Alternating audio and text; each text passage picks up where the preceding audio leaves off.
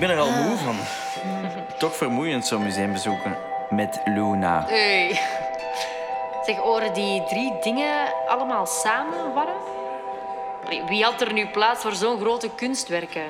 Ik denk dat er in mijn huis geen enkele muur groot genoeg is om zomaar eentje op te hangen. Ja, tenzij ik ze op de grond mag leggen hè, of in stukjes mag knippen. Nee, jij bent ook geen koning, hè, Luna? Een koning had daar wel plaats genoeg voor. Misschien heeft hij in zijn paleis wel een zaal bijgebouwd alleen maar om dit op te hangen. Hoe groter een wandtapijt, hoe duurder. En hoe beter om indruk te maken. Ja, ze zijn ook al 500 jaar oud, hè?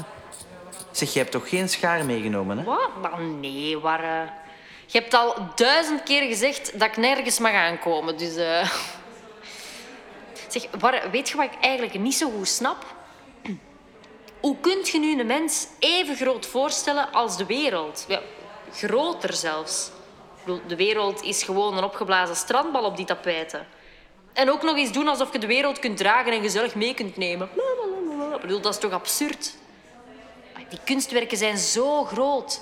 Je had daar gemakkelijk het universum op kunnen tonen. Sterren, planeten, de maan. En dan misschien ergens heel klein onze aardbol met zo een pijltje ernaast. U bevindt zich hier. Met PS, groetjes vanuit Portugal. De koning en koningin. maar daar gaat het eigenlijk niet om, hè, Luna. De kunstenaar wil niet laten zien hoe groot het heelal is. Daar had hij zelfs geen idee van. Hij toont hoe mensen naar de wereld moesten kijken en vooral hoeveel macht de koning had over die wereld. Kijk, op dit wandtapijt staat links een man en rechts een vrouw. Zie je? De Grieken en Romeinen geloofden dat de goden Jupiter en Juno heersten over de wereld en alles er rond. Wel, koning Johan III en zijn vrouw Catharina vonden dat zij dat ook deden, dus ze hebben zichzelf afgebeeld op het kunstwerk. Ja, in die tijd waren ze nog volop zeeën en continenten aan het ontdekken. En Portugal was een heel machtig land en dan geloof je als koning waarschijnlijk wel dat de wereld aan je voeten ligt. Maar nu denken sommige mensen ook nog hoor dat de wereld aan hun voeten ligt. Eh, zoals die van wiskunde. Oh. Of mijn zus.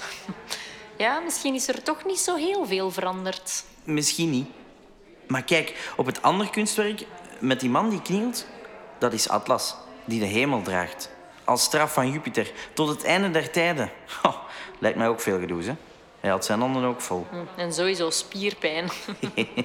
Misschien toch goed dat wij weten dat we maar een klein deel uitmaken van het universum. PS, groetjes van Luna en Barre. Vanuit planeet